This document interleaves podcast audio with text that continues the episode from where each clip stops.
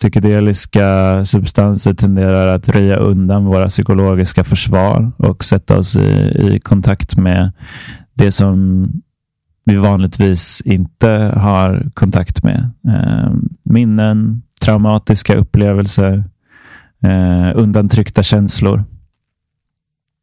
Och om vi har resurserna att hantera det som kommer upp så kan det vara väldigt terapeutiskt. Och det är det som man gör inom psykedelisk terapi.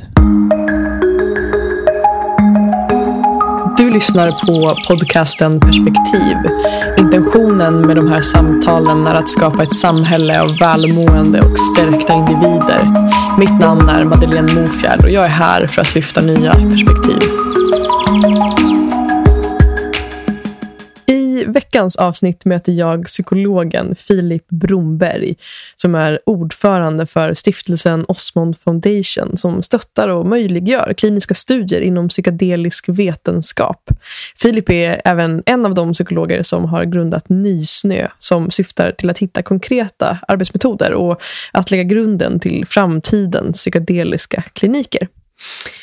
Och I det här samtalet så tar vi utgångspunkt i de studier som just nu genomförs på Karolinska institutet i Stockholm utifrån frågan om psilocybin-assisterad terapi kan hjälpa oss att behandla depression, ångest och psykisk ohälsa. Och för dig som är ny till begreppet psilocybin så är det alltså ett aktivt ämne i psykedeliska svampar som tillhör gruppen tryptaminer. Och det kommer du få höra Filip prata mer om i det här samtalet. Vi pratar bland annat om hur psilocybin kan hjälpa oss att komma i kontakt med minnen, traumatiska upplevelser och undantryckta känslor och på så vis läka oss inifrån. Och um, vad psilocybin kan tillföra som verktyg i en terapeutisk ram som vanliga terapiformer kanske ibland missar och hur framtiden kan tänkas se ut när det kommer till att använda psykedeliska substanser i just terapeutiska ramverk för läkning av depression och psykisk ohälsa. Och jag vet också att samtalet om just psykedeliska substanser för många människor kan komma som både triggande och kanske främmande. Och Personligen så bär jag på en tro om att bevisen för den läkning som kan ske i upplevelser med psykedeliska substanser i just ett tryggt ramverk är för många och för kraftfulla för att inte våga lyfta det här samtalet. Jag tror inte heller att vi behöver ta ställning för, för eller emot. Och det jag verkligen tror på är att vi behöver våga vrida och vända på det här perspektivet och helt enkelt lyfta samtalet, lyfta frågan vi lever i ett samhälle där allt fler människor mår sämre och sämre och den psykiska ohälsan går dessutom också allt längre ner i åldrarna. Och jag personligen tycker att det här är, det är oroväckande. Och inför det här samtalet så läste jag också statistik som publicerades 2020 av Socialstyrelsen att det är faktiskt över en miljon svenskar som idag äter antidepressiva läkemedel. Och kanske kan du som lyssnar också känna igen dig i att du kanske känner minst en person som äter antidepressiva och ändå inte upplever välmående. Jag tror helt enkelt på att vi behöver börja utforska frågan om vad som faktiskt fungerar när det kommer till välmående. Och Det här samtalet är helt enkelt mitt försök till just det. Att öppna upp för ett perspektiv som förhoppningsvis kan öppna klimatet kring ett tema som kan ha potential för att läka oss. Jag vill bjuda in dig som lyssnar att koppla på din nyfikenhet och som jag brukar beskriva det, ta upp nyfikenheten ur verktygslådan och lyssna med ett öppet sinne. Och som alltid så är jag nyfiken på att höra vad som växer i dig när du lyssnar. Och ja, allt är välkommet. Så hör gärna av dig och berätta. Du hittar mig på Instagram under namnet Mofjärd. Det är Mofjärd utan ä. Nu har det blivit dags att dyka in i det här samtalet och välkomna Filip till samtalet. Hej och välkommen Filip Bromberg till podden Perspektiv. Tack så mycket. Så himla kul att ha dig här. Vi, det var ju ett tag sedan jag skickade min liksom, officiella inbjudan till dig och av olika anledningar så är det liksom precis nu vi ska sitta här. Och jag är nyfiken på vad i att tajmingen är precis nu som är ah, what's the point liksom? att det ändå har dröjt lite. Eh, också utifrån min tro om att allt sker precis i rätt timing. Så att eh, så fint att ha dig här. Och eh, jag är nyfiken på att höra innan vi kör igång det här samtalet på vart du befinner dig idag. Hur mår du och hur mår ditt hjärta här i den här stunden? Jag mår väldigt bra. Um, jag känner mig uh, inspirerad um, och uh, glad över en massa olika saker. Och uh, det känns som vår. Ja. Mm. Så jag mår bättre än på länge. Fint. Ja, men det är verkligen det här både yttre och inre våren. Liksom. Sprittet kan jag känna igen mig Som du också delade här innan vi körde igång. Och vad skulle du säga liksom, att din uppmärksamhet har gått under den senaste perioden i ditt liv? Finns det någon plats där du har din nyfikenhet extra mycket eller där du har liksom haft ditt fokus på sistone i livet? Ja, eh, den har eh, gått mer och mer till, till Holland och eh, de eh, eh retreats som jag har börjat eh, arbeta med.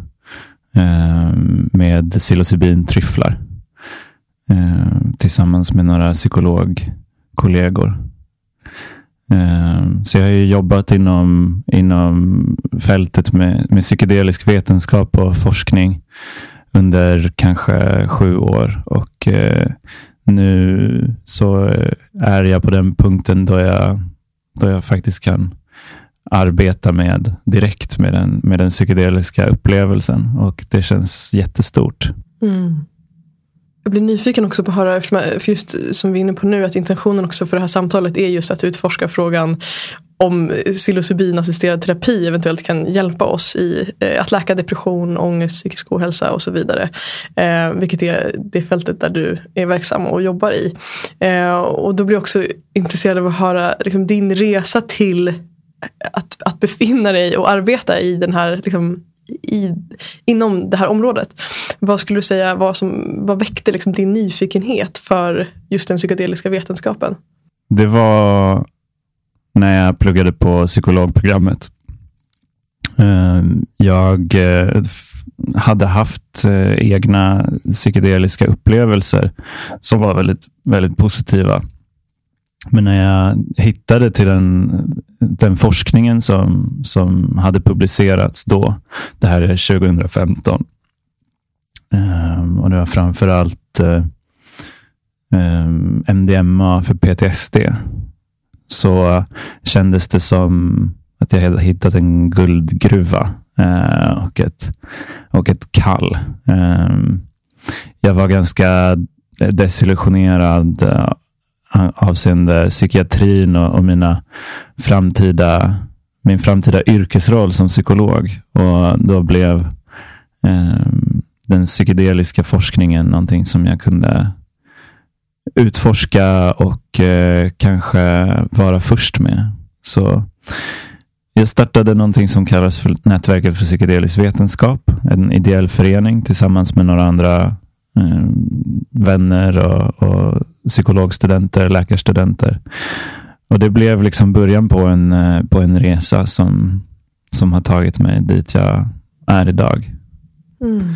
Så den, eh, den psykedeliska forskningen handlar ju som du säger eh, mycket om att utforska den frågan om, om psykedeliska substanser i ett terapeutiskt ramverk kan eh, hjälpa för eh, psykiatrisk problematik.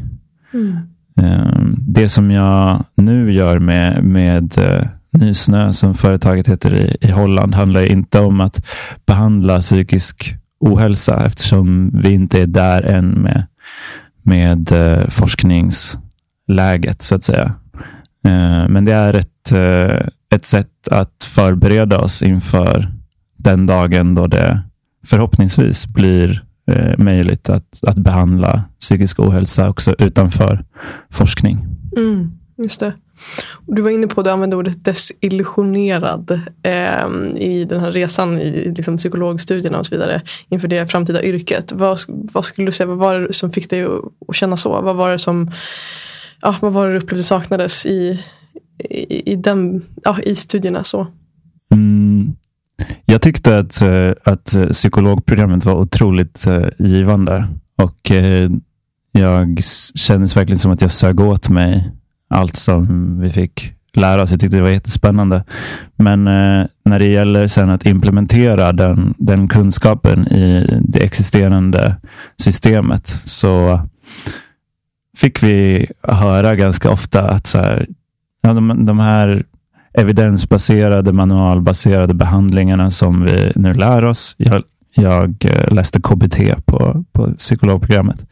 Um, de är väldigt svåra att faktiskt genomföra ute i, i, i, psykiatrin för att det finns inte riktigt de resurserna. Så när ni kommer ut så i, i arbetslivet så får ni liksom ja, göra, göra lite vad det blir eh, istället. Och eh, Det är ju väldigt dominerat av läkemedel och sådär och det är ju psykiatrikerna som, som bestämmer. Liksom. Eh, nu säger jag inte jag att det alltid är så, men, eh, men eh, det var lite vad, eh, hur det pratades om, eh, eh om vår framtida yrkesroll. Och Ja, jag, jag, kände att eh, jag vill göra mera skillnad än så här. Ehm, jag var väldigt intresserad av gruppterapi och eh, vi fick lära oss väldigt lite om det. Och Det är någonting som används väldigt lite ute i, i systemet. Och Det är, tror jag inte för att det inte fungerar, eh, men för att det inte riktigt passar in i det systemet som vi har byggt upp. Mm. Det låter mycket som att vi är inne i ett, eller som att du också beskriver ett skifte kring hur vi ser på terapi i olika former. Eh, och jag blir också intresserad av att höra, för jag tänker du är både ordförande för nätverket för psykedelisk vetenskap och nu för relativt nystartade eh, bolaget Nysnö. Och jag tänker att intentionen för de här två olika eh, vad ska man säga, olika mm, områdena som eh, är på många sätt eh, lika och på andra sätt kanske skiljer sig. Och det jag då är nyfiken att höra är om man tänker dig som person. Vad skulle du säga är din intention, liksom en gemensam intention för det arbete du gör oavsett i vilken, i vilken liksom, ja, vart du är, är, eh, är aktiv. Så. Så um, jag är inte längre ordförande för Nätverket för psykedelisk vetenskap. Jag eh, eh, har inget eh, officiellt uppdrag i Nätverket för psykedelisk vetenskap eh, längre eh, sedan eh, en tid tillbaka. Eh, däremot så är jag eh, ordförande i stiftelsen Osmond Foundation ehm, som ju har ett lik, en liknande inriktning som Nätverket för psykedelisk vetenskap, det vill säga att främja forskning. Så jag så jag befinner mig verkligen fortfarande in, i den världen med att möjliggöra forskning och se hur eh, systemet kan, kan integrera de här behandlingarna. Och Samtidigt så, så, så arbetar jag med, med Nysnö och man kan säga att jag befinner mig i en, i en transition. Eh, från att jobba med forskning till att jobba med praktik. Mm. Um, och det som är som en gemensam nämnare för, uh, för det här är ju att dels att bygga en uh, gemenskap um, och skapa nätverk mellan, mellan personer som vill jobba med det här, som, som är uh, kompetenta och nyfikna. Och ehm, Sen så är det, handlar det i någon mån om att eh, skapa en större öppenhet och ett eh, samtal om de här eh, frågorna i, i samhället. för att vi har under så lång tid inte pratat om de här frågorna.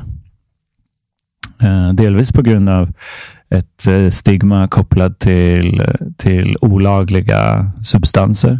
Och delvis tror jag eh, kopplat till en eh, kanske en rädsla eller en, en, en slags discomfort med, eh, med andliga eller icke-ordinära upplevelser.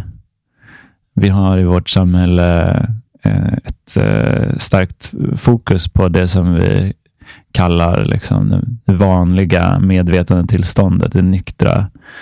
Um, och eh, consensus reality eh, världen. Allt som ligger utanför det ser vi med viss misstänksamhet. Vare sig det handlar om drömmar eller, eh, eller eh, eh, psykoser eh, eller trans eller eh, kundalini eh, awakening.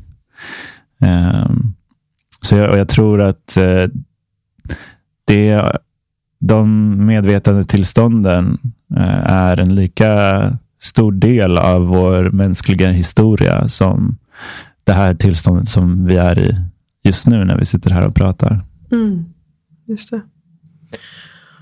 Och Jag tänker för de människor som lyssnar på det här samtalet och kanske aldrig har varit i kontakt med begreppet psykedeliska substanser. Eh,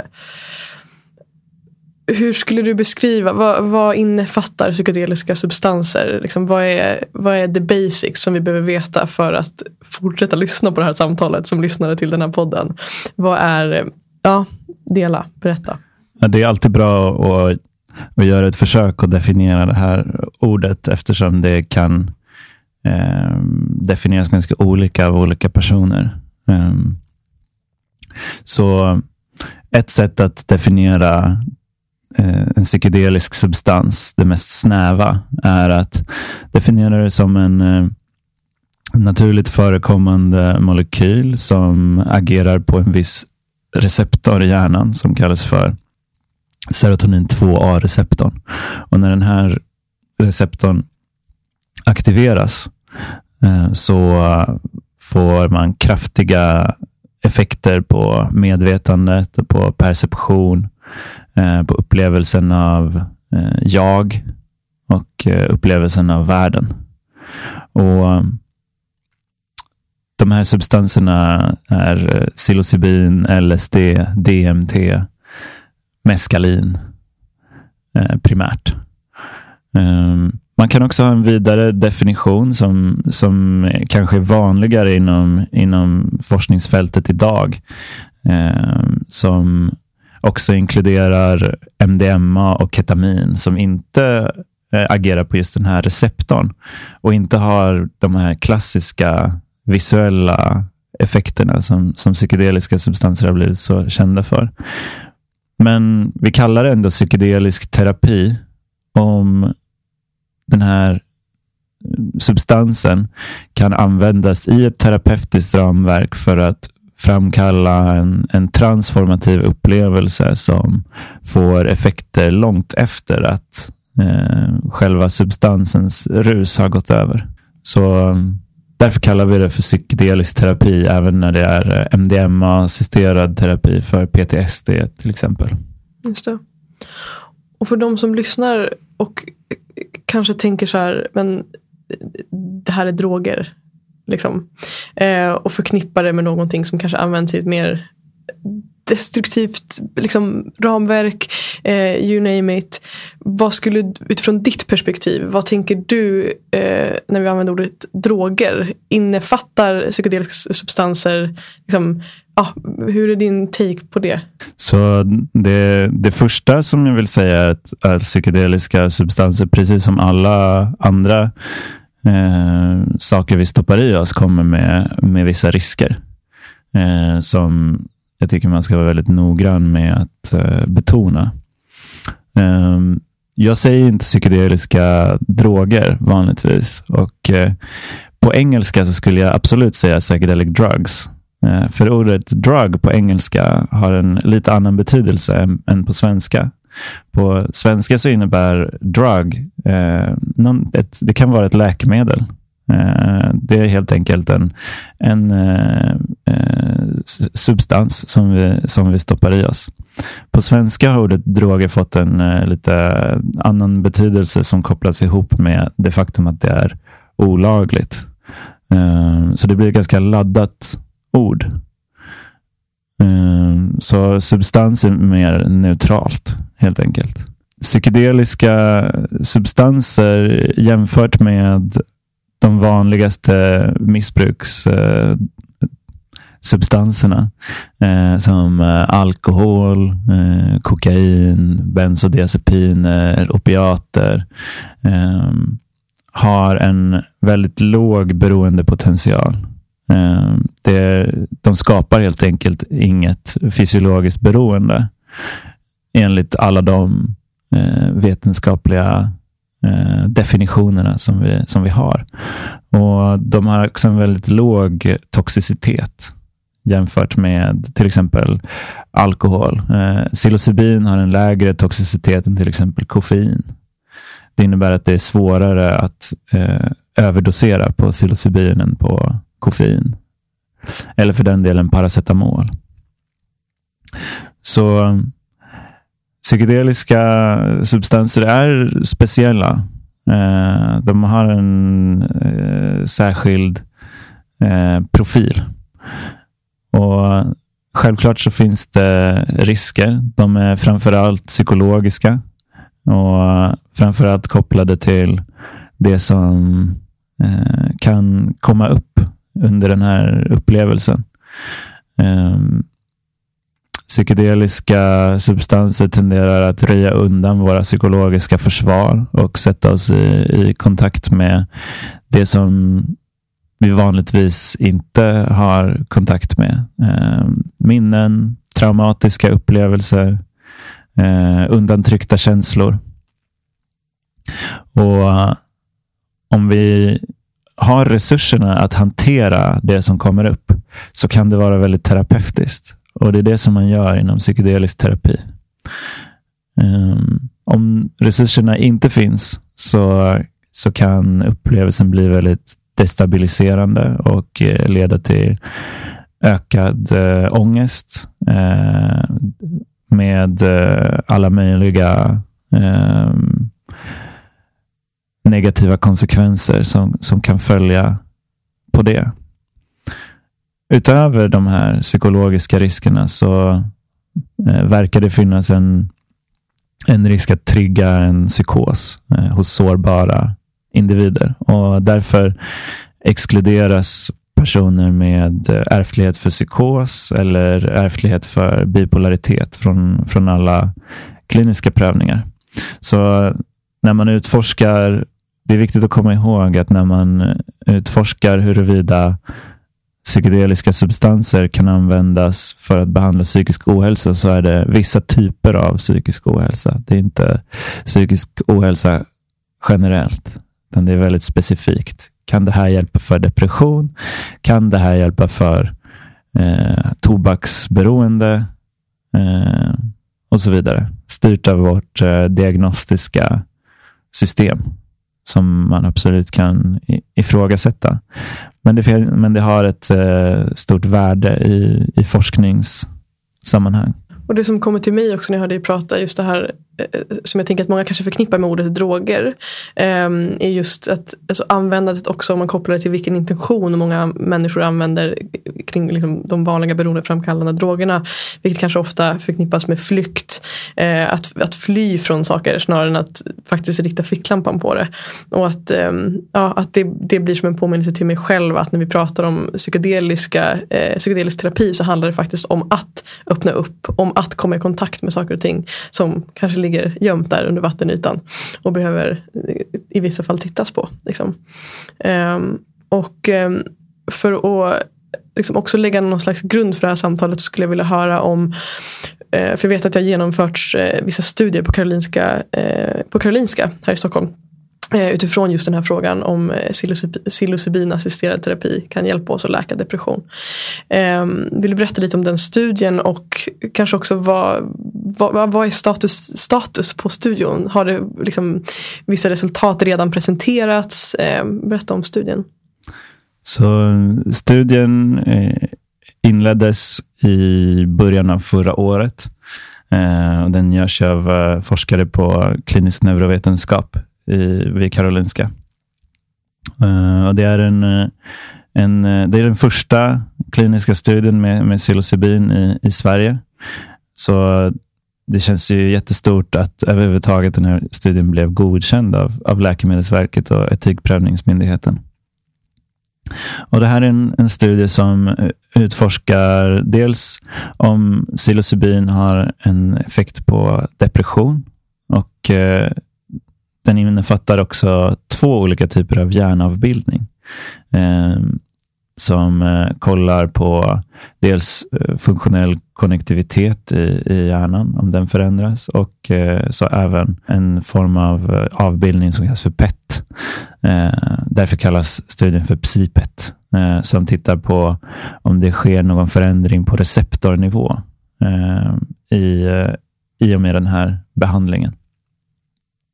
Och eh, det är en, eh, det är en studie som, som har ett, eh, det här klassiska eh, eh, psykoterapiförloppet med förberedande, en förberedande session. I många studier så, så är, det, är det flera förberedande sessioner. I den här studien så är det bara en.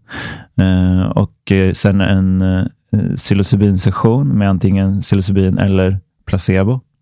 Så hälften av deltagarna får placebo. Eh, då eh, två psykologer sitter med personen i ett rum på, eh, på sjukhuset. Och man har musik som är särskilt utvald för att vara terapeutisk och lugnande. Och man använder också ögonbindel för att hjälpa personen att göra, en, att göra en inre resa. Sen så finns det flera uppföljande terapisessioner då eh, deltagarna får stöd i att utforska eh, den upplevelsen som de har haft nu i ett nyktert tillstånd för att försöka se om det finns några eh, insikter eller förändringar som, eh, som man vill göra. Och vad jag, vad jag vet så är det ungefär två tredjedelar av, av eh, de planerade deltagarna som har genomgått protokollet.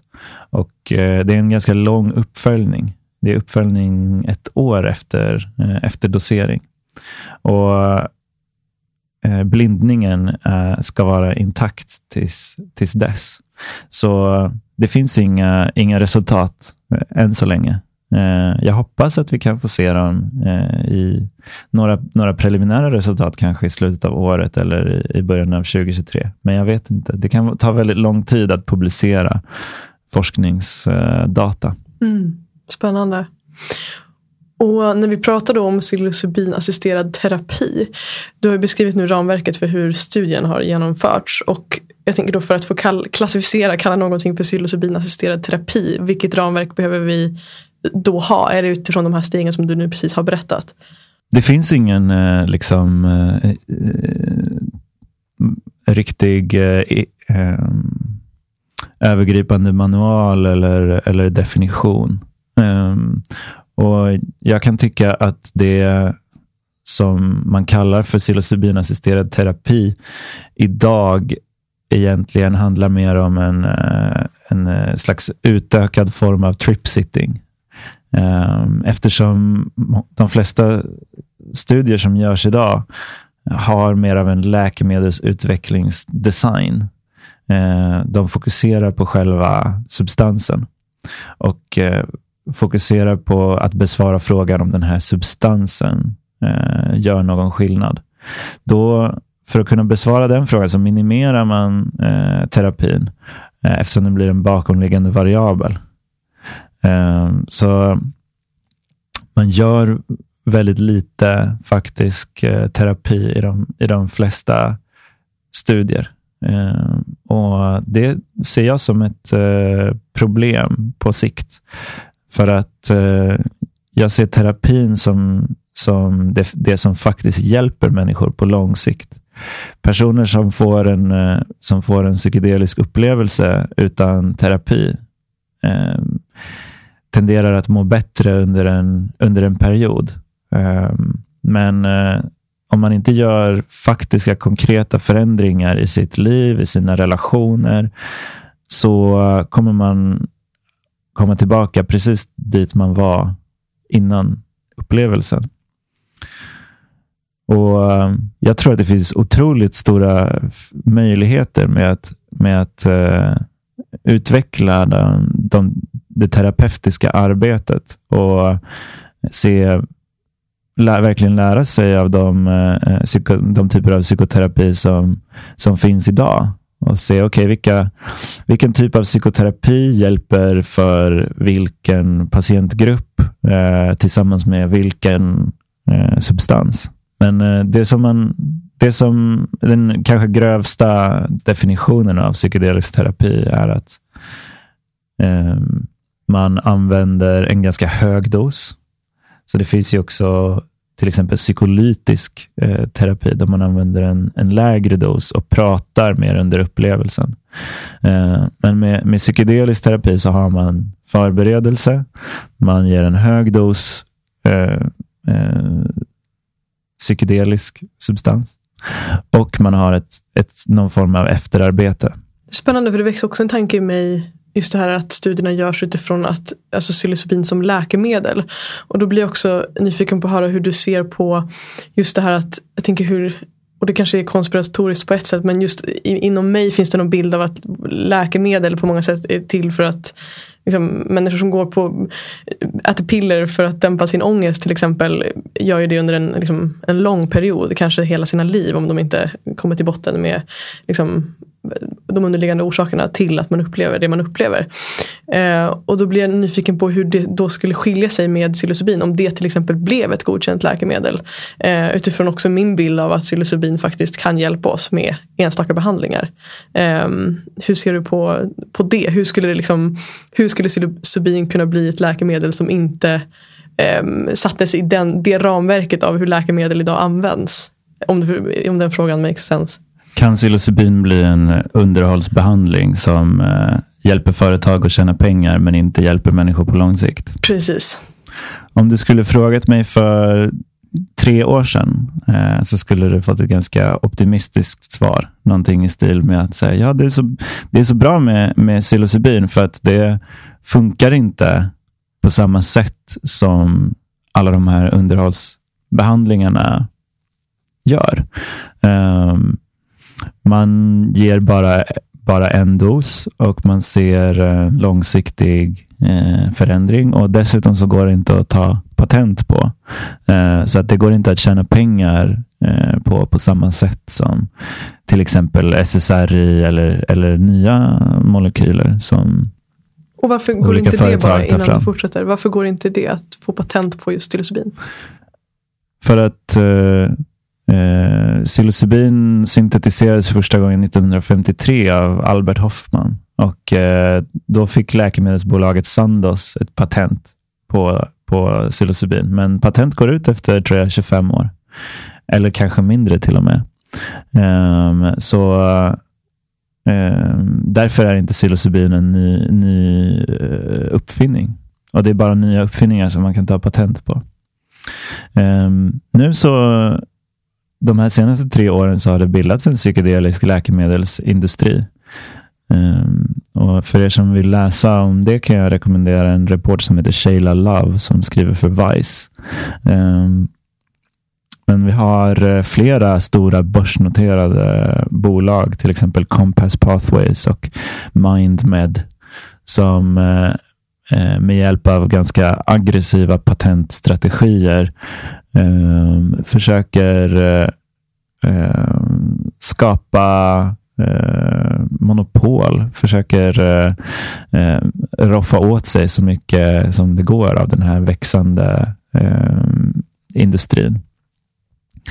Och Det är naturligtvis bra att det kommer in pengar på ett sätt i den här forskningen som, som behöver eh, mycket eh, finansiering. Det är otroligt dyrt att ta fram nya läkemedel och det psykedeliska substanser behöver bli läkemedel om de ska eh, bli tillgängliga för alla de miljoner människor som, som behöver dem.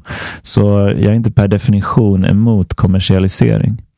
Men det som jag har sett de senaste åren, eller kanske det senaste året, är att eh, vinstmotiv eh, går alltid före eh, patienters välbefinnande eller, samhäll eller vad som är bäst för samhället. Och psykedeliska eh, substanser kan bli underhållsbehandlingar om man inte lägger tillräckligt eh, stort, eh, stor vikt vid, eh, vid terapin och vid eh, eh, gemenskap och eh, eh kontext. Alltså människors eh, sociala kontext. Det är inte lika lätt att tjäna pengar på psilocybin som på till exempel SSRI eftersom psilocybin aldrig kommer bli någonting som man tar eh, varje dag. Troligtvis inte. Eh, däremot så eh, går det bra att tjäna pengar på eh, på den här, på den här behandlingen. Och eh, det verkar också som att folk återfaller eh, och behöver komma tillbaka. Kanske inte varje vecka, men med några månaders eh, mellanrum. Och eh, Då går det jättebra att tjäna pengar på det. Um, och Det är någonting som har, har kommit längre med, med till exempel ketaminkliniker som nu har blivit en väldigt stor grej i USA och håller på att växa i, i Europa också. Eh, ketamin har ju en antidepressiv effekt som klingar av efter, eh, som kan klinga av efter eh, bara några dagar eller några veckor om man inte eh, försöker göra en transformativ behandling med mycket psykoterapi. Ehm, men det, det, sker inte riktigt inom, eh, eh, inom fältet idag. Det finns inte så många bolag som satsar på att eh, ehm, skapa långsiktig förändring, utan man satsar på att skapa symptomreduktion efter två veckor. Eller någonting sånt. För det är det som är standard inom läkemedelsindustrin idag. Om du kan visa att du har en, en behandling som, som tar bort depression två veckor efter eh, intag, då, då duger det.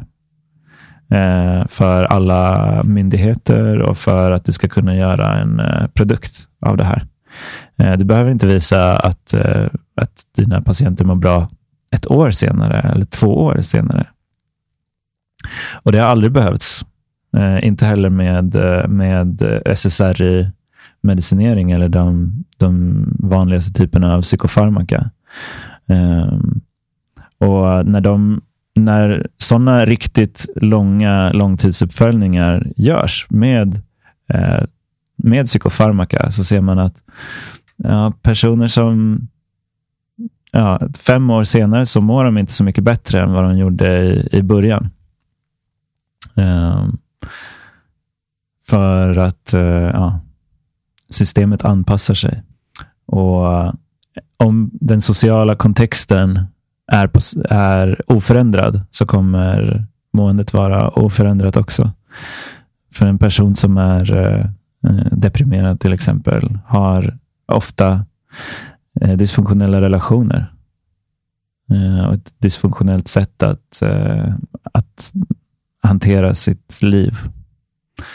Eh, och Det förändras inte genom att eh, ta SSRI och det behöver inte förändras av att ta psilocybin heller.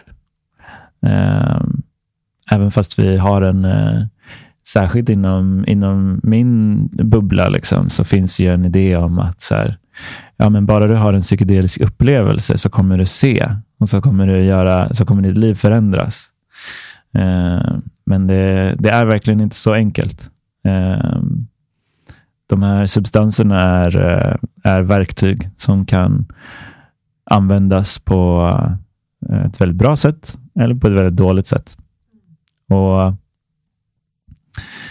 eh, I vårt eh, eh, kapitalistiska system så finns det gott om människor som bara vill använda de här verktygen till att tjäna pengar.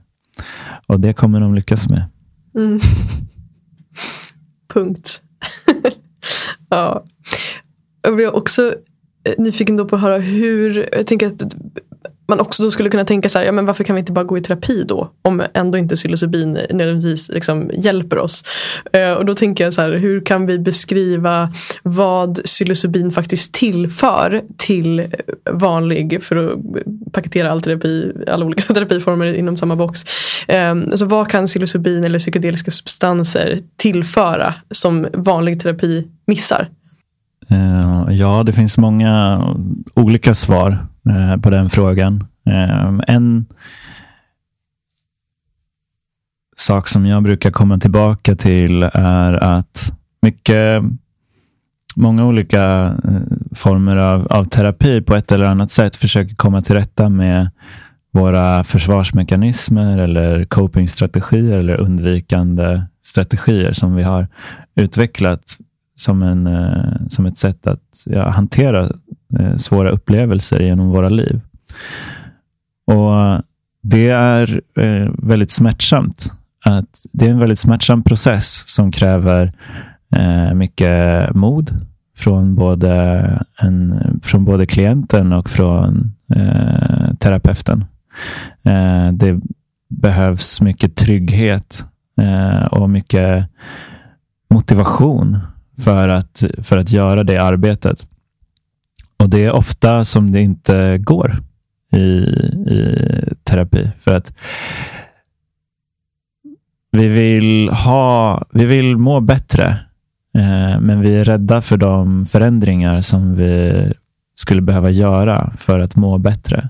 Och vi tänker att så här, mm, jag vet i alla fall vad jag har, men jag vet inte vad jag får. Eh, och Det som en psykedelisk substans eh, gör är att den eh, eh, röjer undan alla de eh, försvaren eh, och eh, eh, ger ett nytt perspektiv eh, på hur eh, livet skulle kunna vara och eh, exponerar oss för våra våra värsta rädslor, kanske. Eh, det är väldigt eh, svårt att uttala sig liksom generellt om vad personer upplever i de här eh, sessionerna, men något ganska vanligt är att till exempel uppleva sin egen död eller sin egen födelse, ehm, vilket kan vara väldigt, väldigt skräckfyllt. Um, personer kan komma tillbaka och med en insikt om att nu har jag upplevt det som jag var allra, allra mest rädd för och jag har insett att jag har ingenting att vara rädd för. Um, och från den platsen så, så eh, är det, kan det vara lättare att, att göra um, en förändring och lära sig någonting nytt. Ett annat svar på frågan är att vi när vi gör psykoterapi tenderar att vara väldigt mycket uppe i huvudet och eh, eh, väldigt mycket i rationaliserande och problemlösande eh, i, ett, i det här i det liksom medvetandetillståndet. Och det är ofta där som vårt ältande är också. Ehm, och eh, vi kan fastna mycket i, eh, i psykoterapi. Uh, psilocybin till exempel, eller annan typ av eh, psykedelika, ehm, eh, stör det rationella tänkandet. En vanlig eh, metafor är att, eh, att se medvetandet som en, som en orkester. Eh, och eh, med, en, med en dirigent som liksom, dirigerar hur, hur alla ska spela. Eh, hjärnan är hierarkiskt uppbyggd och eh, dirigenten kan man sam, kan eh, eh jämföras med någon slags egostruktur eller, eller jaget, illusionen av jaget. I en, eh, I en psykedelisk upplevelse så så plockas dirigenten bort. Och eh, orkestern börjar spela i någon slags eh, kaos istället. Um, när vi inte kan vara rationella Eh, och eh, upprätthålla den här berättelsen om oss själva och om vårt liv, så eh, finns det möjlighet för kroppen att göra sig hörd. Um, och det händer massa grejer i, i kroppen under de här upplevelserna som är utanför medvetandet och som vi inte riktigt förstår eh, spänningar som släpper. eh, saker som rensas ut. Eh, och vi får en eh, mera eh, förkroppsligad insikt eller känsla om, om hur saker är. Jag kan till exempel eh, vara medveten om att ja, jag, jag är tacksam för det jag har. Och Eh, jag eh, älskar min mamma. Till exempel. Men eh, ofta så har jag inte tillgång till de faktiska känslorna i min kropp. Utan, och de påverkar mig inte så mycket. Jag bara vet på ett intellektuellt plan. Ja, men så där, så där är det. Eller till exempel, ja, men, rökning är dåligt för mig. Jag ska inte hålla på och röka eh, cigaretter. Det är idiotiskt att röka cigaretter. Men jag gör det ändå. I en psykedelisk upplevelse kan jag få en väldigt förkroppsligad, stark insikt som i efterhand, när jag berättar den för andra, kan låta ganska korkad. Så här. Det, det är helt poänglöst att röka cigaretter. Jag har alltid vetat det, men nu så känner jag det så otroligt starkt i min kropp. Så jag kan inte tänka mig att jag kommer plocka upp en cigarett igen. Jag har inget röksug. Och eh, ja, det är, bara så det, det är bara så det är nu. Eh, ett exempel. Eh, det finns en, bara, bara en studie eh, publicerad med, eh, med psilocybin för eh, rökavvänjning. Det är flera stora studier på väg nu som, som kommer följa upp det här. Men um, den kommer från Johns Hopkins och, och det, det, finns också väldigt fina intervjuer som är, som är gjorda med de här eh, kroniska rökarna som, eh, som slutade efter eh, en eller om det var två sessioner med, med psilocybin. Så det är några saker som, som psilocybin kan tillföra. Jag tänker att du är inne på och har beskrivit mycket av liksom ja, men, olika typer av upplevelser. Eh, som, och resultat, liksom konkreta saker som kan ske i, i en människas liv. Um, och jag skulle vilja gå ännu djupare i det. Alltså, vad skulle, liksom, utifrån att du också har, tror jag i alla fall, mött många människor som har varit med om eh, psykedeliska upplevelser. Vad skulle du säga är liksom vanliga upplevelser som man, människor beskriver efter en sån här upplevelse? Utöver det som du har, har berättat här och nu. Någonting som är väldigt vanligt är ju en, en känsla av att förlora kontrollen. Eh, som eh, är nära kopplad med våra försvarsmekanismer och med eh, den här jag-upplösande effekten som, eh, som psykedeliska substanser kan ha. Och eh, det det är väldigt spännande eh, med våran, våran vilja att kontrollera saker. Vår, vår vilja att kontrollera våra upplevelser eh, och allt omkring oss. Vi har byggt upp ett samhälle som, som väldigt mycket bygger på den här eh, förmågan att, att kontrollera naturen. Vi, vi, bygger, vi bygger hus som eh, gör att vi kan kontrollera temperaturen på luften runt omkring oss så att vi inte ska behöva eh, exponeras för, för varierande temperaturer.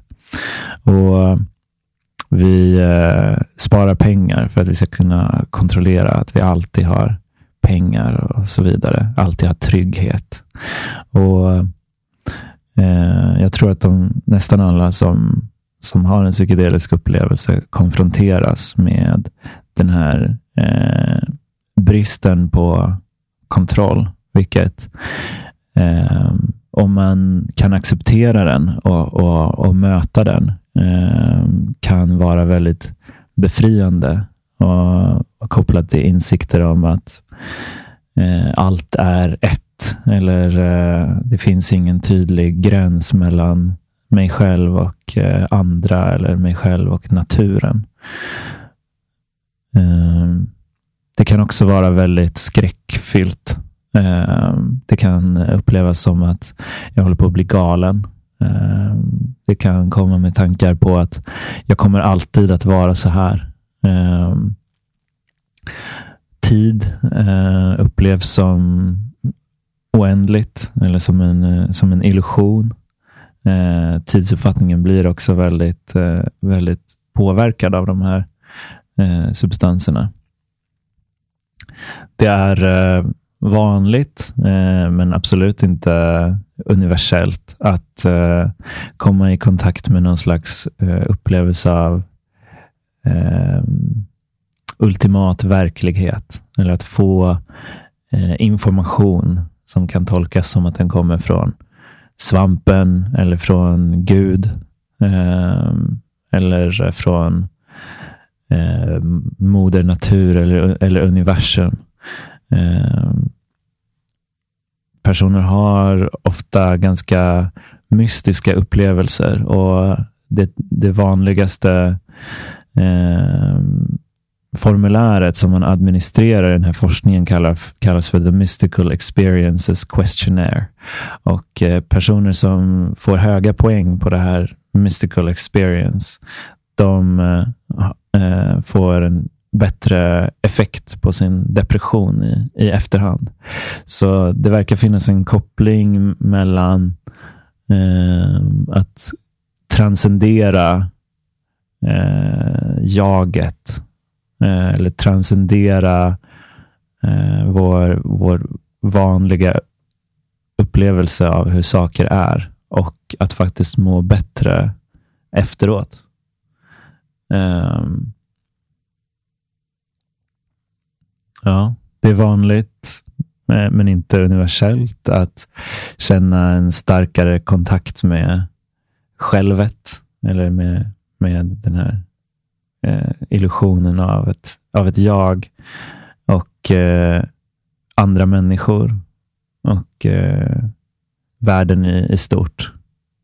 Någonting som en psykolog och forskare som heter Rosalind Watts har skrivit mycket om och också etablerat ett, ett äh, mätinstrument som heter The Connectedness Scale. Um, så eh, det finns en, en tydlig social komponent i de här, uh, i de här upplevelserna. Uh, jag tror att uh, människor ofta inser hur mycket vi, vi behöver andra människor och vad som är, och vad som är viktigt. Kan det också vara, jag tänker, i relation till just depression? Att depression också ofta kommer med känslor av ensamhet. Att, att vi kanske isolerar oss från eh, och, och liksom skjuter oss själva bort från samhörighet snarare än att, att komma nära andra människor och så vidare. Kan det också ha en av de bidragande, bidragande effekterna till att psykedelika faktiskt kan hjälpa oss i depression till exempel. Att vi får den här känslan av att vara i kontakt med naturen, med oss själva, med andra människor och så vidare. Jag tror att det just det gör eh, psykedelika till ett, eh, potens, eh, ett eh, bra verktyg i det, i det arbetet. Eh, och Samtidigt så tror jag att den långsiktiga läkningen sker i, i relationer till andra människor eh, snarare än i, i själva upplevelsen. Eh, relationen till, till terapeuten som ett första steg och eh, relationen till närstående som, eh, som, ett, som ett andra steg. Mm. Det är också spännande för jag har haft eh, tidigare samtal här i podden och kring psykedelika, men då har det varit framförallt ur det shamanska perspektivet.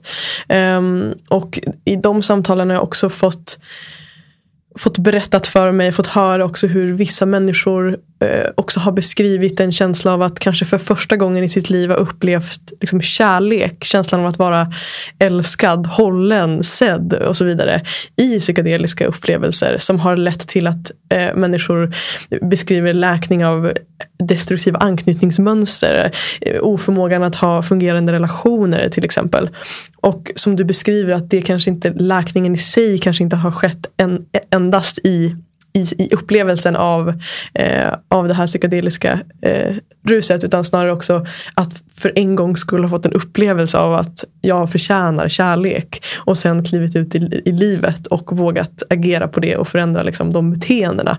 Så det är också en, en, ett spännande perspektiv som jag har fått med mig från, från tidigare samtal. Så, um, som jag tänker också hänger ihop med det här att, uh, ja, att känna sig hållen på något sätt av psilocybin eller vad det nu än är som känslan kommer ifrån. Ja, jag tror verkligen att det finns någonting där kopplat till anknytning. Eh, nu finns det inte så mycket forskning på, på anknytning och psykedelika än, men det finns en professor på Stockholms universitet som heter Per Granqvist som, eh, som är väldigt intresserad av, av just det här. Han har också skrivit en, en artikel som nyligen eh, publicerades. Ehm, jag tror att, eh, att eh, en, en psykedelisk eh, upplevelse kan skapa en slags, en slags grundtrygghet um, i den här insikten om att jag är värd att, att älska.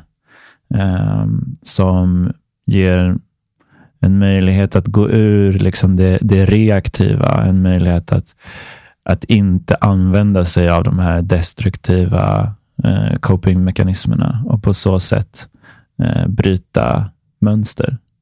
Eh, när vi, jag tror att när vi agerar utifrån en plats av, av självkärlek så får vi också kärlek av andra människor. Och vi märker att, eh, att vi är omtyckta och att vi har någonting att ge till världen.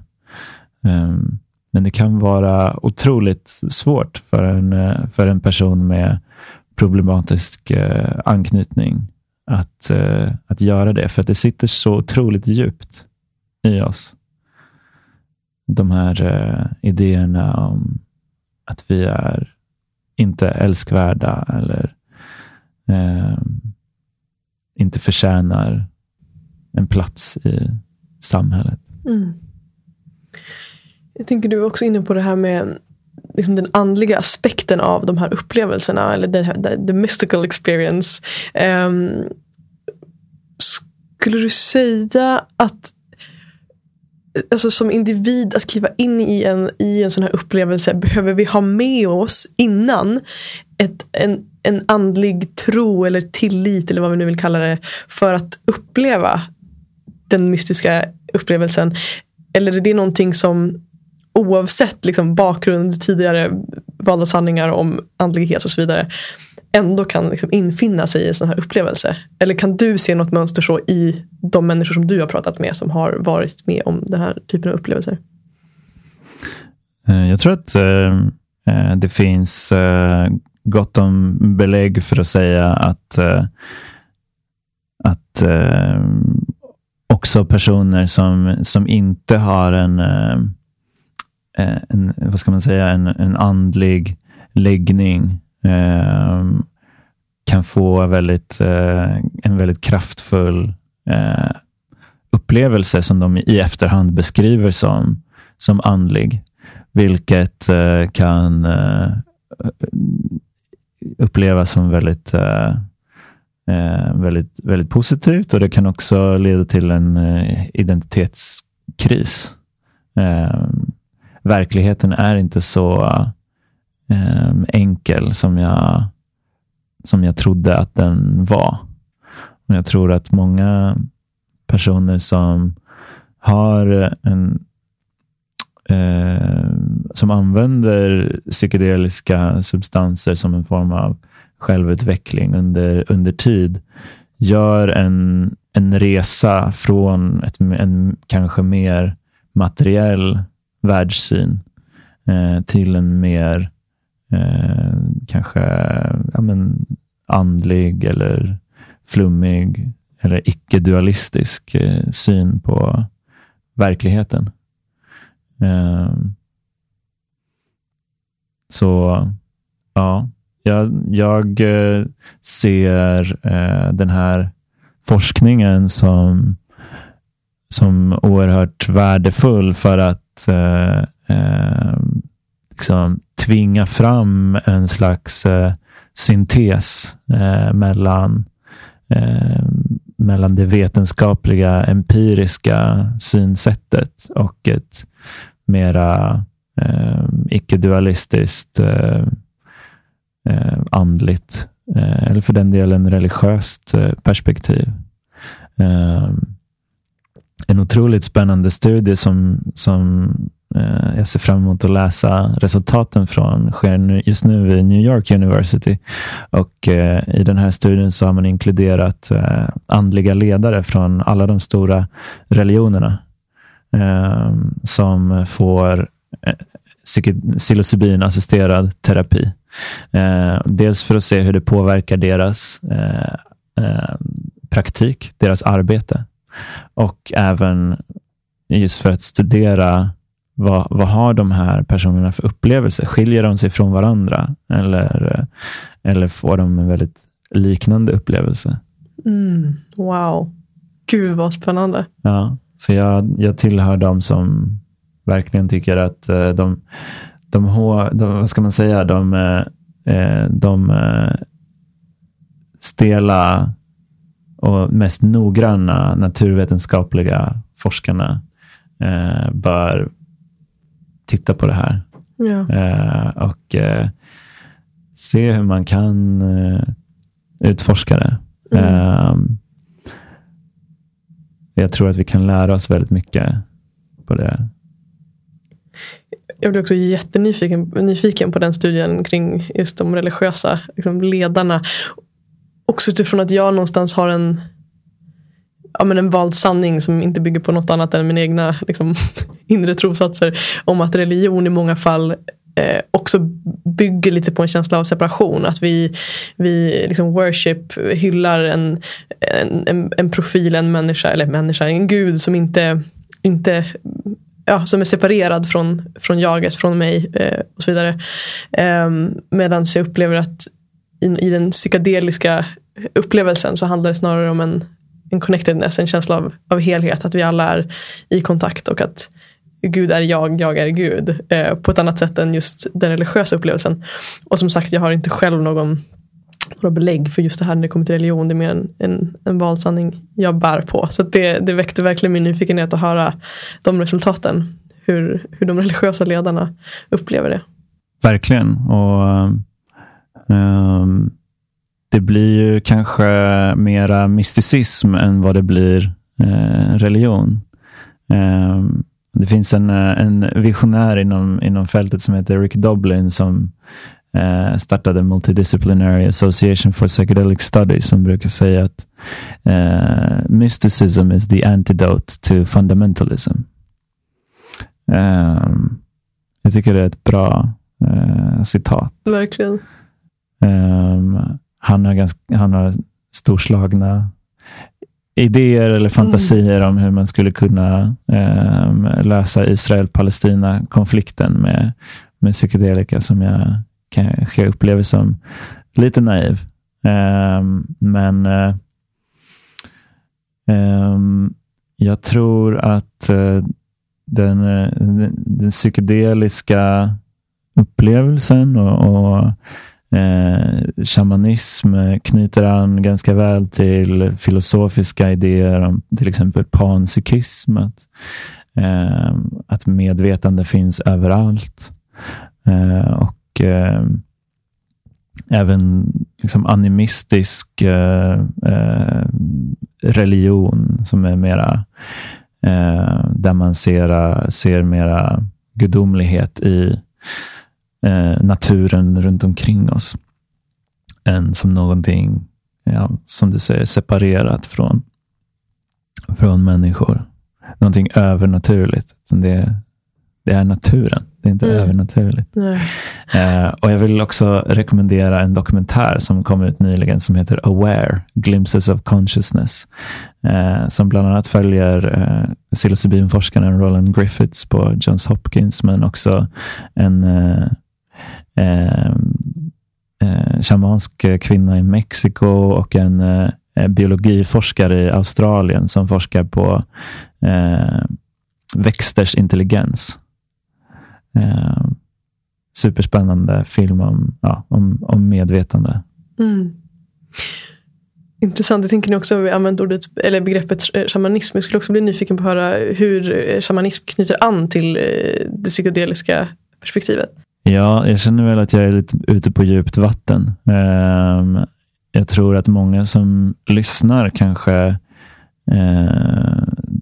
tänker att så här, men, shamanism, vad är det för någonting? Det är inte en, det är inte en eh, liksom, ideologi eller så. Det finns ingen... Eh, ja, det är en massa olika traditioner från, eh, från runt om i världen. Um, förlåt, vad var frågan? Kopplingen mellan shamanism Precis, och, ja. och det psykedeliska? Och det psykedeliska. Mm. Ja, ehm, eh, psykedeliska substanser har, tror jag, varit en, eh, en viktig del i eh, väldigt många shamanska traditioner runt om i världen. Eh, och även i eh, sammanhang där psykedeliska substanser inte har varit direkt involverade så, så handlar shamanism ofta om att skifta medvetandetillstånd, vare sig det är genom trummande eller fasta eller eh, att försätta sig i trans på något annat sätt. Eh, det handlar om att eh, hämta liksom, information från, eh, från ett annat, med hjälp av ett annat medvetandetillstånd. Och eh, där är psykedeliska substanser väldigt, väldigt potenta eh, i, det, i det arbetet. Jag tänker att det också det blir intressant den här bron som någonstans byggs mellan shamanist, det shamanistiska, kanske mystiska perspektivet eh, där det i många traditioner har använts plant, liksom, växter, eh, psykedeliska substanser i många år liksom, eh, tillbaka i tiden. Eh, och också då att det knyts ihop någonstans med vetenskapen och forskningen. Att det blir också, tänker jag, en, ja, det byggs någon bro däremellan som blir väldigt intressant. Att knyta an de där perspektiven. Ja, jag tror att inom det dominerande paradigmet inom medicin i, idag så har vi helt negligerat upplevelsens betydelse och egentligen eh, medvetandets betydelse.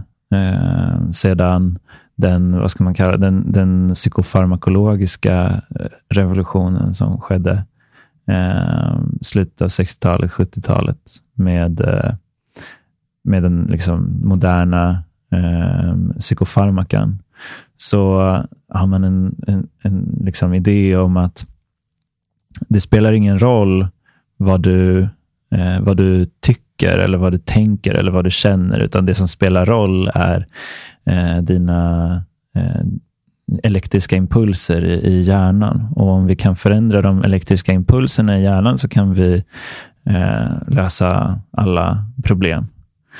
Ehm, och eh, Det är så, det, så man tänker med, med SSR-medicinering till exempel för, för depression. Ehm, och de, Det som de psykedeliska substanserna och den psykedeliska forskningen kan visa är att upplevelsen spelar väldigt stor roll. Um, det är till och med så att det är den, den bäst, bästa prediktorn för framgångsrik behandling är hur mystisk var upplevelsen för deltagaren. Det är otroligt uh, kontroversiellt i, inom, inom psykiatrin idag och en eh, insikt eller en, en, en, ståndpunkt som jag tror kan eh, trigga ett, eh, ett paradigmskifte. Och det är inte bara den eh, just nivån av mystisk upplevelse, utan det finns också forskning som visar att eh, deltagares subjektiva upplevelse av musiken i psykedelisk terapi predicerar behandlingsutfall. Eh, så med hjälp av med hjälp av musiken så, så påverkar man hur effektiv en psykiatrisk behandling är. Eh, och, och Det här är liksom för, för Eh, personer som, eh, som deltar i, i kanske ceremonier eller, eller, eller skriver under mig på något slags shamans perspektiv så är det inte alls konstigt. Eh, men för en, en nyutbildad psykiatriker som har just pluggat i tio år och eh, är, anser sig vara expert på psykisk ohälsa så är det så här, va? Musik? ja, ska vi mm. hålla på med musikterapi nu eller? Mm. Ja, det ska vi. det är mm. precis det vi ska. Ja, spännande. Nej, men jag gillar att väva samman de där perspektiven också eh, och låta dem mötas. Um, och någonting som jag vill lägga till också mm. är att uh, det finns ju Eh, moderna eh, studier på till exempel SSRI. Eh, det gjordes en nyligen av Per Karlbring som är professor på Stockholms universitet som visar att upplevelsen av SSRI är SSRI-medicinering är väldigt viktig för, för effekten som den här substansen har. Eh, vad man säger till eh, försöksdeltagare, om man till exempel ljuger för försöksdeltagare om vad det är de får, eh, har en väldigt stor effekt på, på utfallet. Eh, så man pratar ju om, om sätt och setting inom, inom psykedelisk eh, terapi, där sätt innebär då att din inställning till själva upplevelsen spelar väldigt stor roll och setting är att miljön, kontexten som upplevelsen eh, sker i spelar väldigt stor roll. Och eh, Det är precis så som shamaner jobbar också. Genom att manipulera eh, både inställningen till, eh, till upplevelsen och den faktiska miljön. Eh, shamaner använder olika myter och eh, eh, berättelser om andevärlden och, och, så vidare för att manipulera inställningen. Eh, och eh, styr också över musiken och, och, så vidare. Inom forskningen så, inom den psykedeliska forskningen så kanske vi eh, berättar berättelser om, eh, om plasticitet och eh, tidigare forskning som har gjorts som visar att det här är eh, hjälpsamt. Och vi manipulerar eh, miljön med hjälp av också musik och att sitta i ett, ett lugnt rum med mycket växter och så vidare. Eh, så sätt och setting spelar roll även med, med SSRI. Sätt och setting spelar alltid roll. Och Det är ungefär som att säga att upplevelsen spelar roll. Det finns ingen uppdelning mellan vårt sinne och vår kropp. Det finns ingen uppdelning mellan vad som är vårt medvetande och vad som är våra elektriska impulser i hjärnan. Ja, jag tänker någonstans i mig finns det, vi var inne lite grann på det här i början eller i, tidigare i samtalet om att psykedelika kan ta oss, alltså exponerar oss för de delar inom oss själva som vi kanske inte vill komma i kontakt med eller har kommit i kontakt med. Att det öppnar upp oss för att se mönster, eh, saker inom oss och så vidare. Eh, och, och, tar oss bortom jaget, bortom egot och så vidare. Eh, och då blir jag eh, liksom eh, nyfiken på, jag funderar på hur jag ska ställa frågan. Jag blir nyfiken på hur det konkret kan se ut. Och hur det kan hjälpa en individ eh, till att skapa de resultat man vill ha. Oavsett om det handlar om beroende, eh, mer hälsosamma relationer, eh, en mer hälsosam relation till sig själv. Ja, vad det nu kan vara för intention som man kliver in med hur kan det se ut rent konkret? Att vi blir, liksom, får komma i kontakt med de delar av oss själva. Eller kliva bortom egot och så vidare. Um, Eller skapar den frågan mening? Förstår du vad jag menar? Ja. Ja, bra. Mm. Det är ju liksom, det är ett mysterium, allt det här. Så jag eh, kan, kan ge några, några eh, exempel som, som känns relevanta för mig. Sen så är det styrt av eh, ja, min, mina egna upplevelser och, och, och så vidare. Um, någonting som kan vara uh, hjälp, en hjälpsam insikt, eh, till exempel uh, saker kopplade till uh, ens föräldrar. Ehm, vi Många, många av oss har eh, delvis problematiska relationer till, våra, till någon av våra föräldrar. Um, och uh, i, en, i en psykedelisk upplevelse så kan en hjälpsam insikt vara en, en ökad uh, förståelse för, uh, för ens föräldrars perspektiv till exempel. Min, till exempel säga att min pappa var, var alkoholiserad och eh, det har påverkat mig väldigt negativt i, i hela mitt liv. Eh, och jag har aldrig känt mig trygg, jag har aldrig känt mig älskad eh, och har otroligt mycket ilska gentemot min pappa, kanske som jag inte kan uttrycka och som inte känns Ehm, som att jag har rätt att känna kanske ens. Eh, i, en, I ett sådant scenario kan en, kan en eh, psykedelisk upplevelse involvera någon typ av försoning, eh, medkänsla, kärlek, både för eh, den som jag var när jag eh, var liten och utsattes för det här och för eh, samtidigt förövaren, eh, min pappa. Ehm, ehm, och i, i bästa fall så kanske det kan leda till att jag ehm, på något sätt förändrar min relation till min pappa. Kanske uttrycker det som jag eh, känner mig arg för. Eller, eller, eh, och, eller uttrycker medkänsla för, eh, för det som hände den som han var, det som han kämpade med. Eh, någonting som är ganska vanligt är upplevelser av, av eh, intergenerationellt trauma, alltså hur, eh, hur eh, traumatiska upplevelser i barndomen leder till att vi utsätter andra för, för trauma. Och en eh, ökad, ökad förståelse för, för det kan ge en ökad medkänsla för mig själv, det som jag bär på och alla de som har kommit före mig. Eh, ja, så det är någonting som jag eh, ser ofta olika versioner av. Ja, du är inne lite på det här med trauma, vilket också är intressant att prata lite om. Eh, hur, ser, hur ser du på det, alltså kopplat till just trauma? Hur, hur, skulle vi potentiellt, hur, hur kan psykedeliska substanser hjälpa oss att läka och jobba med trauman?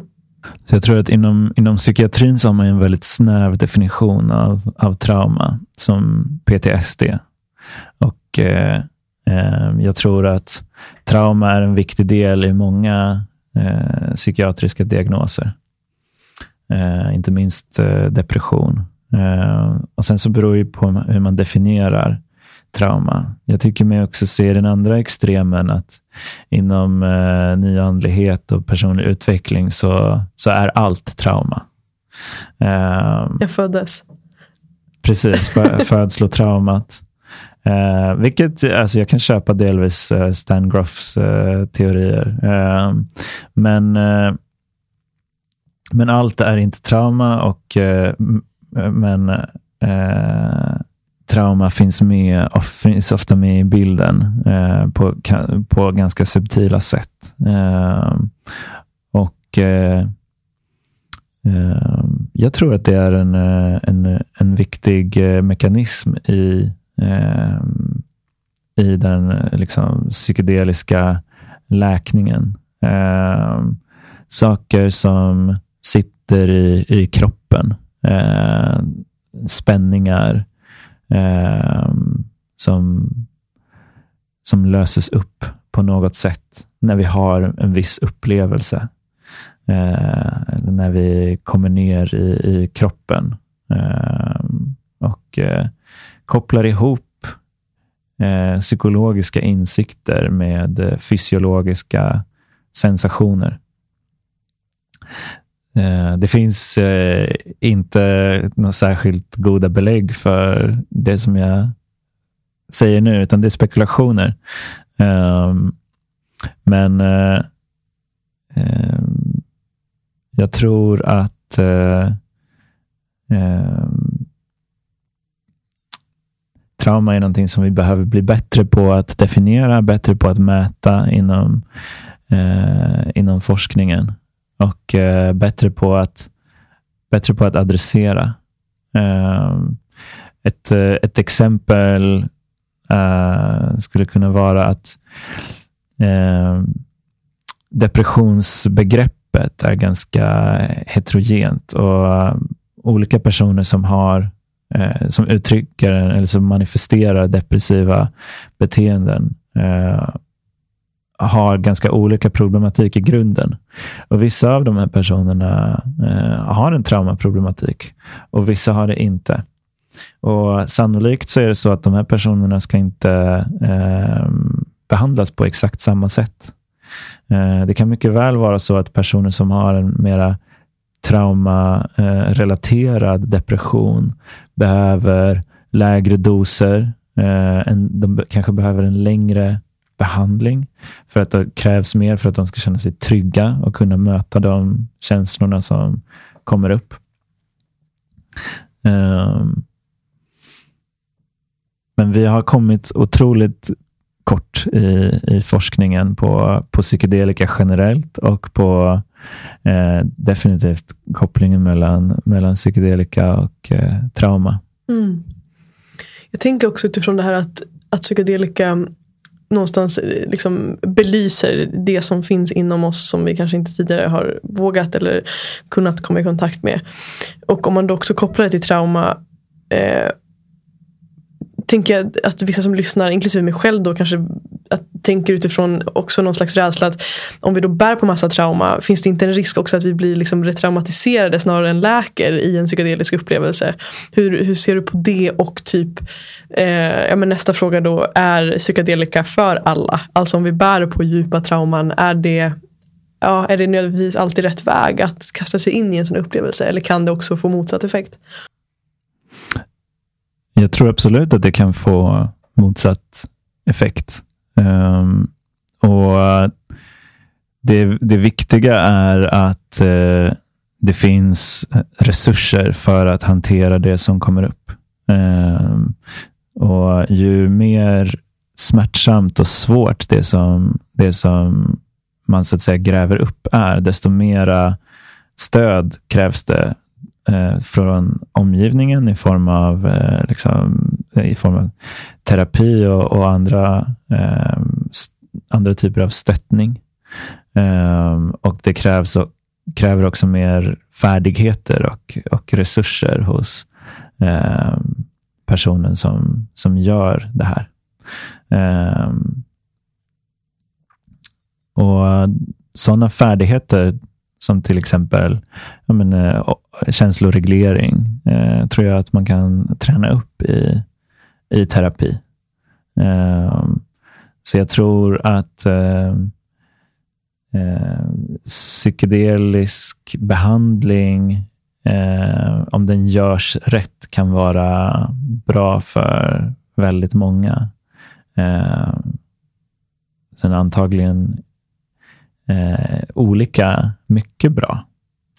Ehm, och eh, sen, är, sen är det alltid en, en fråga om liksom, den, här, eh, den här smärtan och det här eh, mörkret som, som man kanske behöver gå igenom. Hur mycket är det innan det kan bli bra. Och för vissa så kan den processen vara väldigt kort. Och för andra så tror jag att den, den processen kan vara livet ut. Eh, så det blir alltid en övervägning om eh, det här, är det värt det? För jag vet ju vad jag har.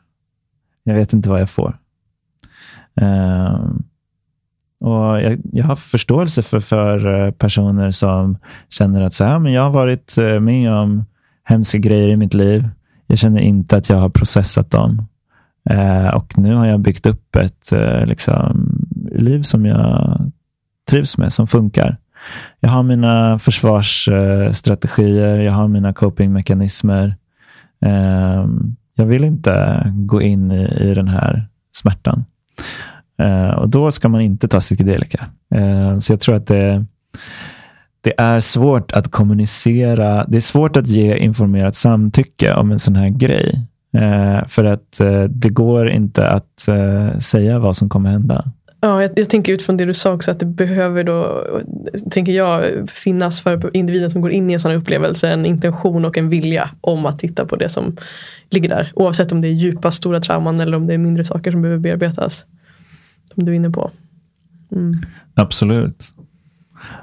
Och um, när det gäller, uh, när det gäller Eh, resurser och terapeutiskt arbete så är integration ett, ett vanligt begrepp eh, och en väldigt viktig process där man jobbar med att skapa en, eh, en brygga mellan det här, de här insikterna, mellan det här tillståndet och den faktiska vardagen. Och det kan eh, handla om att eh, gå i, i, terapi eller att måla eller att göra det vad som helst som liksom eh, både, både är funktionellt och på något sätt ärar den här, eh, den här upplevelsen som, som man har haft. Mm. Um, och Jag tror att ja, risken Eh, med eh, att ge sig in i ett sånt här utforskande eller en sån här behandling, om det, om det handlar om en behandling, eh, är att tänka på det som, som en quick fix. Eller som att, som att säga, ja, men om jag bara har den här upplevelsen så kommer allt vara bra sen. Jag tror att eh, eh många som går igenom såna här, en sån här upplevelse känner i efterhand att så här, jag hade ingen aning om hur lång och jobbig den här processen som jag har framför mig kommer vara. Eh, sen tror jag att eh, det är väldigt få som, som ångrar det steget. Ehm, eh, men ja, det är, en, det är en utsliten men användbar fras att det verkliga arbetet börjar när, när man har haft upplevelsen. Mm. Jag tänker också hört eh, många liksom beskriva och vittna om att, att livet någonstans, att det nästan blir en känsla av att livet vänds upp och ner för en period. Att det kan komma med en, en stark smärta av att det som har varit sant under, eh, så du har levt i 50 års tid, eh, och sen är med om en psykedelisk upplevelse och dina sanningar helt plötsligt raseras. Liksom. Det jag trodde var sant, mina perspektiv på livet är nödvändigtvis inte längre sant. Och vem är jag då? Och som vi har varit inne på tidigare och du har beskrivit den här känslan av att, att liksom egot, jaget raseras. Eller den bilden som vi har byggt upp av oss själva. Um, och att, ja, men som du är inne på någonstans, att, att med all förståelse för att en sån process kan komma med mycket smärta och kräva liksom ett, ett långt arbete. att här, ja, men vem, vem vill jag vara? Vilka sanningar är ja, vem, är, vem är jag nu? Liksom? Ja, och det, och det tar ofta tid och mycket tålamod att, eh, att eh, hitta någon slags uh, gyllene medelväg eller att uh, bli bekväm med, med antingen med nya eh, sanningar eller bara att bli bekväm med att inte veta. Ovissheten. Ja. Ovissheten, precis. Bristen mm. på kontroll. Mm. Eh, insikten om att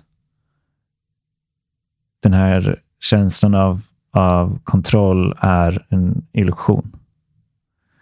Eh, precis som att eh, känslan av ett jag är en, är en illusion. Det är en berättelse. Vi berättar hela tiden berättelser för oss själva. Um, och eh, Det kan kännas uh, som uh, att livet blir meningslöst när allting bara är en illusion. Men jag tror också att det finns en frihet i att um, okej, okay, vi har den här förmågan att berätta berättelser om oss själva och om världen. Vad, vad vill jag eh, berätta för berättelse? Vilken, vilken typ av berättelse kan vara hjälpsam för mig och hjälpsam för världen och hjälpsam för det som jag tycker är viktigt? Allt är påhittat. Så vi kan eh,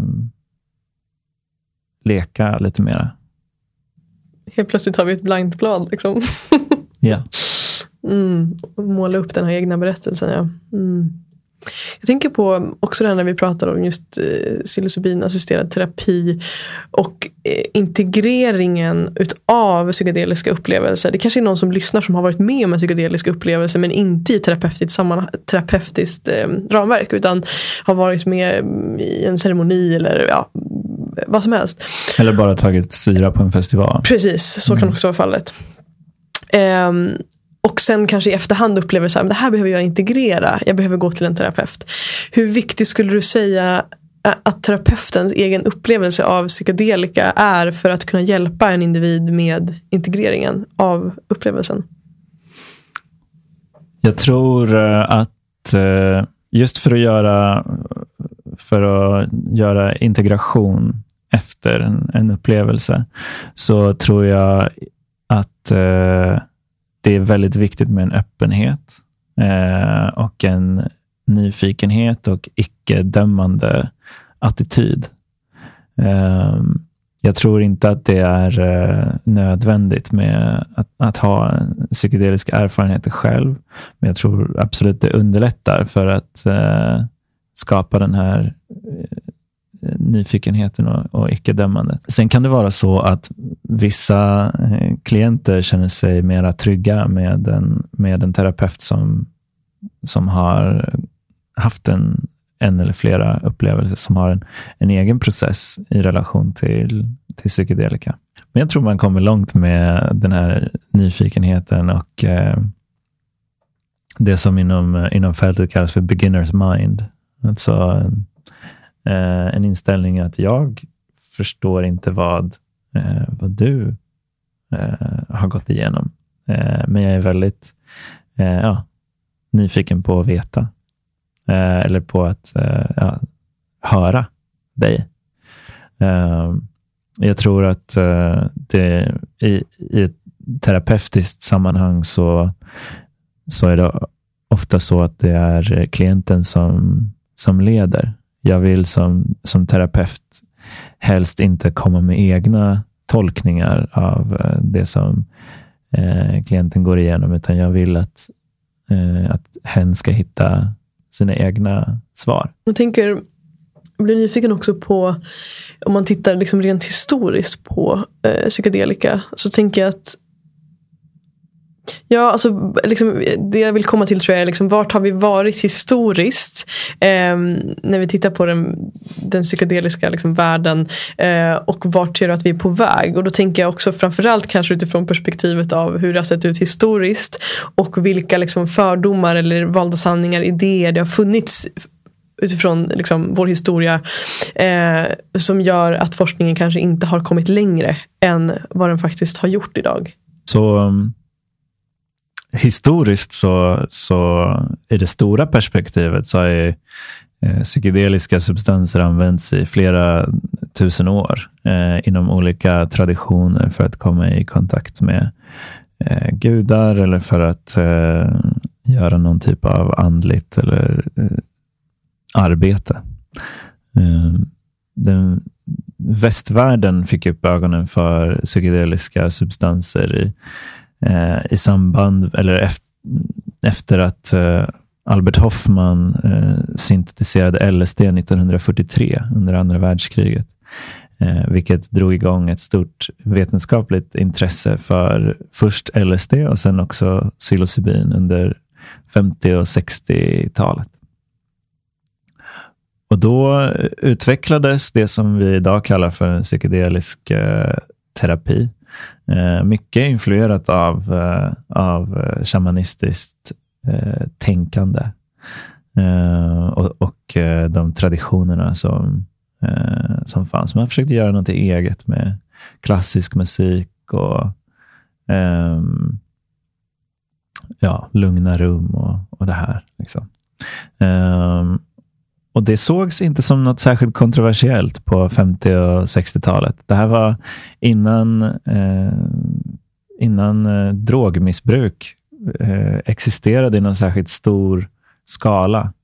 Eh, och eh, De här substanserna användes inte utanför psykiatrin överhuvudtaget. Ehm, och eh, Man såg de här substanserna som eh, verkligen framtidens eh, behandlingar. Det var också innan den neurokemiska, de neurokemiska upptäckterna, signalsubstanser. Och Det var innan de här substanserna började användas rekreationellt också av hippierörelsen och, och, och antikrigsrörelsen. Sen så, så blev de tydligt förknippade med eh, framförallt eh, Vietnamprotester och eh, eh, Timothy Leary som, eh, som eh, uppmuntrade amerikanska college-studenter att eh, hoppa av eh, samhället. Det var liksom den första motkulturen. Eh, den första subkulturen. Ehm, så då blev då blev eh, eh, psykedeliska substanser mer kontroversiella. Eh, anledningen till att eh, det inte skedde någon forskning på många år mellan 70 och, och 2000-talet eh, är delvis den här kopplingen till, eh, eh till eh, politisk hysteri och det faktum att substanserna blev blev reglerade för första gången eh, med den Narcotic Substances Act i början på slutet av 60-talet, början på 70-talet. Sen så finns det en eh, mer komplex förklaring också eh, kopplad till att man började använda sig av placebo eh, kontroll in, inom det här biomedicinska eh, eh paradigmet inom, inom psykiatrin. Och och eh, att de, de psykedeliska substanserna är svåra. De passar inte riktigt in i den här modellen som jag har beskrivit, där, där upplevelsen eh, anses eh, oviktig. Eh, så det bidrog också till att, eh, det, att eh, eh, de sågs inte som, eh, som användbara, även fast forskningsresultaten var väldigt lovande. Så det man gör inom, inom den eh, psykedeliska forskningen idag handlar mycket om att replikera de, de experimenten som gjordes på 50 och 60-talet, fast nu med bättre metodologi och med eh, nya eh, fina mätinstrument som hjärnavbildning och, och sådär. Som, eh, som hjälper oss lite att eh, eh göra objektiva eh, antaganden och, och eh, ja, mm. om, eh, om vad de här substanserna gör i hjärnan. Då får, då får forskningen en med större legitimitet på det sättet. Mm. Just det. Det, är så här, det, det, är inte bara det att, att eh, eh, försökspersonerna eh, säger att de mår bättre efteråt. Vi kan också se någon förändring i hjärnan. Mm. Då, är det inte, då är det inte bara We något, något hittepå eh, mm. från en slags drogfantasi, utan det här är på riktigt. Mm, just det. Mm. Evidensbaserat. Ja, precis. ja. Det, är inte bara, det, inte, det räcker inte med upplevelser. Nej, nej exakt. Ja, och jag hörde dig i en intervju som gjordes eh, 2020. Alltså för typ två år sedan. Eh, lite mindre än två år sedan. Då du eh, nämnde att potentiellt så skulle eh, psilocybinassisterad terapi kunna godkännas som en eh, behandling för depression under 2024. Eh, hur, hur, hur förhåller du dig till det liksom, uttalandet nu? Hur ser det ut som att utvecklingen går? Är det rimligt fortfarande? Jag skulle säga att det är eh, ganska rimligt. Eh, kanske mer sannolikt att det blir 2025. Eh, pandemin har försenat mycket forskning. Men eh, Compass Pathways, det, vad ska man säga, det, det största eh, företaget inom, eh, inom läkemedelsutveckling eh, inleder fas 3 i Europa nu till hösten.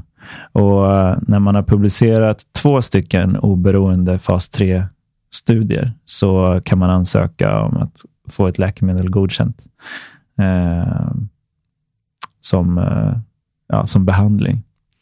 Eh, och De har ju onekligen resurserna. Eh, sen är frågan hur lång tid det tar att, att göra och publicera två stycken eh, fas 3-studier. Det kan ta ja, ett par år, mm. kanske tre. Just det, nu kom jag på en fråga som jag inte har ställt dig under hela det här samtalet. Nu tänker jag när vi pratar om behandling och att det skulle godkännas som behandling. Pratar vi då om liksom för jag tänker det finns olika sätt att dosera. Antingen går vi in i en eh, behandling där vi får en hög dos eh, och eh, ja, upplever den upplevelsen. Eller så liksom, mikrodoserar vi under en eh, liksom, kanske längre period. Vad, vad är det vi pratar om när vi säger behandling i det här kontextet? Så ehm, när, eh, när man gör läkemedelsforskning så, Eh, så får man eh, godkänt för ett protokoll som motsvarar det som man har forskat på. Eh, så om psilocybinassisterad terapi blir, blir godkänt så kommer det vara endast inom med det protokollet som man har gjort de här fas 3-studierna. Eh, och för, endast för den indikationen. Så um, det kommer, om, om någon vill få mikrodosering godkänt som en, som en behandling till exempel, så måste man göra omfattande studier på just mikrodosering. Så i det här fallet så är det alltså högre doser som vi Ja, precis. 25 milligram syntetiskt eh, psilocybin eh, övervakat av eh, x antal psykologer och med ja, väldigt strikt definierat för när och hur eh, det här kan ske. Sen så ligger det naturligtvis i, eh, eh, eh i läkemedelsbolagets intresse att få behandlingen godkänt för fler indikationer. Och eh, eh, det finns gott om exempel från, från läkemedelsindustrin hur eh, man kan göra tilläggsstudier som, som, eh, som skapar en större marknad och uh, ja, kan, i bästa fall kan hjälpa fler människor och i, i sämsta fall bara tjäna mer pengar. Mm. Men det är väldigt tydligt att marknadskrafterna skapar vind i seglen för, för den här forskningen nu. Eh, så det känns eh, ja, tydligare och tydligare för varje dag att det här kommer bli en, en del av vårt eh, samhälle. Sen är frågan hur, hur det kommer se ut och om det kommer ske på ett ansvarsfullt sätt. Så jag har blivit, eh, jag har blivit något av en skeptiker. Från att ha varit en av de mest, mest frälsta Mm. Spännande perspektiv. Ja. ja, fint. Jag inser att eh, tiden springer iväg här och det är dags att börja avrunda. Och för att göra det så skulle jag vilja höra om du har några boktips på eh, antingen på det här temat, det får det gärna vara, eller om du känner så här, ah, men jag vill dela något helt annat boktips. Eh, men några böcker som, eh, har, ja, som kan vara en, en väg för lyssnarna att dyka djupare in i de här ämnena. Eller andra källor. Det kanske är poddar eller ja, whatever. You name it. Ja, Ehm, ett första boktips är ju eh, Michael Pollans bok How to change your mind. Eh, på svenska Psykedelisk renässans. Eh, det är en bok som många redan har läst, men som jag tycker fortfarande är den bästa introduktionen till både historien och till forskningen och till ja, vad de här eh, substanserna kan göra på en mer upplevelsebaserad eh, nivå.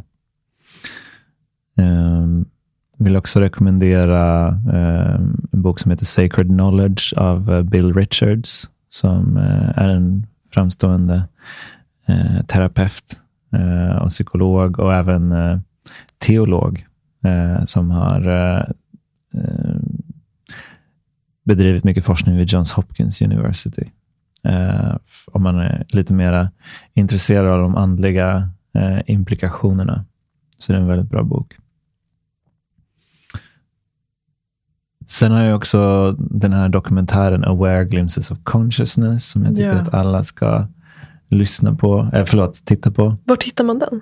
Den finns på awarefilm.com. Mm. Ehm, just nu så kan man bara uh, streama uh, en rerun av premiären. Men det är för typ 12 dollar. Det, det är värt. Mm. Den kommer säkert eh, senare. En annan jättebra film heter Descending the Mountain, eh, som just nu går på olika filmfestivaler som handlar om meditation och, eh, och psykedelika. Ehm, en eh, eh, podcast som jag vill rekommendera är min egen podcast ja. som heter Min Resa, där eh, jag eller någon av mina kollegor intervjuar personer om deras egen eh, process i, i relation till psykedelika. En annan favoritpodd är uh, James Jessos Adventures through the mind. Um, där kan få olika forskare eller, eller uh, andra liksom pålästa personer uh, intervjuas om, om psykedelika. Fint, tack så jättemycket. Och hur kan lyssnaren göra för att komma i kontakt med dig? Osmondfoundation.org Eh, nysnö.se eh, är väl de främsta kanalerna. Eh, jag håller i integrationscirklar i Stockholm och på Zoom ibland, eh, som är som eh, support, eh, öppna supportgrupper eh, kopplade till psykedeliska upplevelser och processer. Ehm, och jag eh, träffar också eh, klienter privat för integration. Mm, fint. Och Filip, om du fick möjlighet att nå hela världen i 30 sekunder, vad skulle du då vilja säga? Ah, jag har bävat för den här, för den här frågan och inte förberett mig. Då vill jag säga eh, oj, eh, gå ut i naturen eh, tillsammans med eh, en vän och eh, bara eh, vara. Försök eh, eh, lämna mobilen hemma och eh, eh, lyssna på musik och krama ett träd. Mm, fint. Mm, tack så jättemycket. Och finns det någon fråga som du eh, skulle vilja att jag ställer dig nu, som jag inte har ställt dig, som du känner att det här vill jag bli frågad för att få med allt det jag vill förmedla här idag? Eller känner du så att nej, men jag är nöjd? Jag känner mig nöjd. Mm, fint. Då har vi gjort ett great job. Tusen tack Filip för din tid och för all din kunskap och för ditt arbete inom det här området. Jag är så tacksam för att du ville vara med här idag och dela dina perspektiv med lyssnarna och med mig. Så tack. Tack för att jag fick vara med. Tack till dig som har varit med oss i det här samtalet. Jag ser fram emot att få möta dig som lyssnar och ta del av hur det här samtalet landar i dig. Vilka tankar, insikter och kanske till och med triggers växer dig. Det skulle betyda allt om du delade med dig till mig på sociala medier. Skriv till mig eller posta på din story och tagga mig så låter vi det här samtalet leva vidare. Du hittar mig på Instagram under namnet Mofjärd utan ä och på Facebook vill jag också välkomna dig till den slutna gruppen Mofjärd Community. Där vi möts för att prata vidare och lära oss av varandra och, och varandras perspektiv. Du hittar länken i beskrivningen till det här samtalet. Tack igen för att du är här.